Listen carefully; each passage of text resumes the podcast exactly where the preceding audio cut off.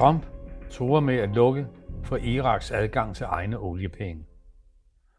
Alle Iraks olieindtægter opbevares i USA's centralbank. Nu har USA valgt at presse landets økonomi ved at forsinke udbetalingerne af pengene. Målet er at straffe Irak, hvis parlament har krævet USA's militær ud af landet, lyder det for kritikere. USA presser nu Irak på pengepunkten. USA er utilfreds med, at Irak handler for meget med Iran.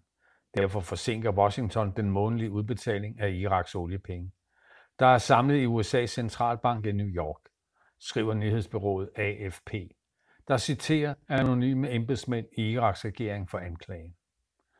35 milliarder dollars, der udgør store dele af Iraks olieindsigter, ligger efter tidligere aftale opbevaret i USA's centralbank. Federal Reserves Failure i New York. Hver måned trækker Iraks centralbank 1 eller 2 milliarder dollars fra kontoen og får dem fløjet til Irak, hvor de bliver brugt til at betale offentlige ansatte og landets udenlandsgæld. Dagbladet Washington Post skrev 11. januar, at Trump-administrationen har truet Iraks regering med helt at lukke eller begrænse bankkontoen i Federal Reserve. Truslen blev til virkelighed, da Federal Reserve forsinkede udbetalingen til Irak i midten af januar i en uge, skriver avisen.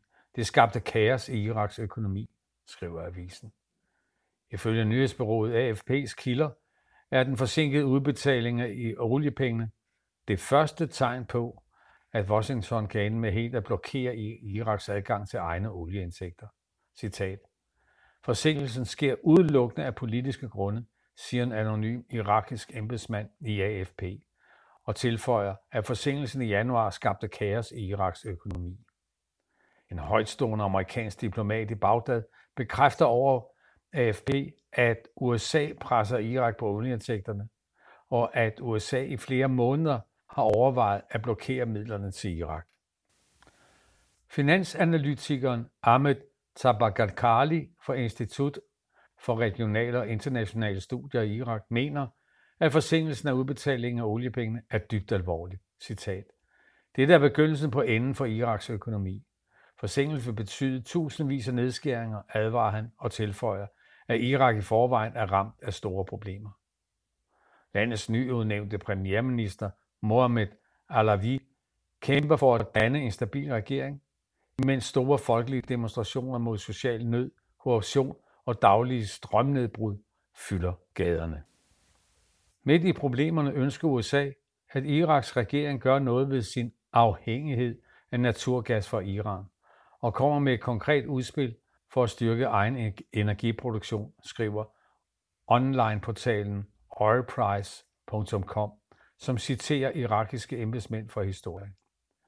Importen af gas fra Iran dækker 45 procent af Iraks daglige elforbrug.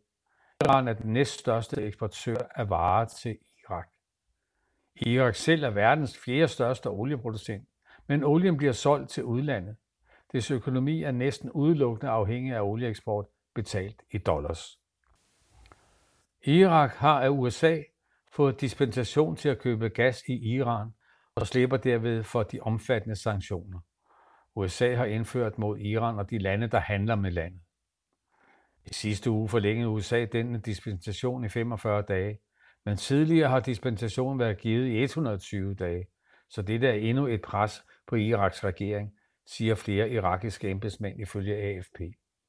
Irak har altså nu kun 45 dage til at vise USA, at det er parat til at mindske sin gasafhængighed af Iran. En irakisk embedsmand kan fortælle, at USA's udenrigsminister Mike Pompeo i januar ligefrem råbte af Iraks daværende premierminister Adel Abdul Mahdi under et telefonopkald. Pompeo bad Abdul Mahdi om at glemme alt om en fornyet dispensation i forhold til sanktioner mod Iran, hvis angrebene på USA's baser i Irak fortsatte. Pompeo hensydede til de næsten 20 raketangreb, der siden oktober har været rettet mod USA's ambassade i Bagdad og militære baser. Senest angreb en vred folkemængde receptionen på USA's ambassade i Bagdad den 31. december 2019 og smadrede døre og vinduer i protest mod USA's optræden i Mellemøsten. En af de virkelige grunde til USA's nuværende pres på Irak er, udover landets forhold til Iran, at Iraks parlament den 5. januar i år krævede alle udenlandske tropper ud af Irak, siger flere af de irakiske embedsmænd. USA's militær har været i landet siden invasionen i 2003. Flertallet i Iraks parlament mener, at USA brød international folkeret ved de to dage forinden havde udløst et missil fra en drone over Iraks nationale lufthavn i Bagdad og dræbt den iranske topgeneral Qasem Soleimani. Kort efter øh, USA's præsident havde han svaret igen.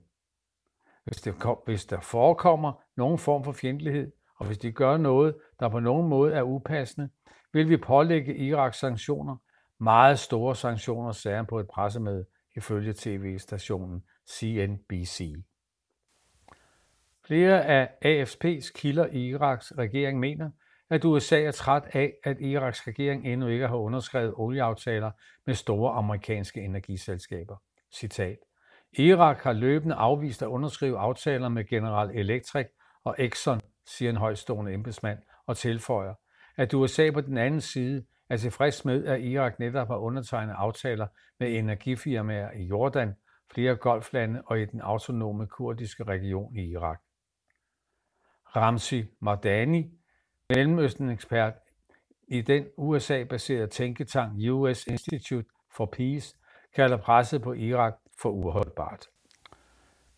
Citat, denne tilgang kan sikre de amerikanske interesser på kort sigt, men det overordnede forhold til Irak vil blive alvorligt forringet, præget af mistillid og fjendskab, siger han. Du har lyttet til en artikel fra Arbejderen. Abonner på vores podcast på iTunes, eller hvor du ellers hører din podcast.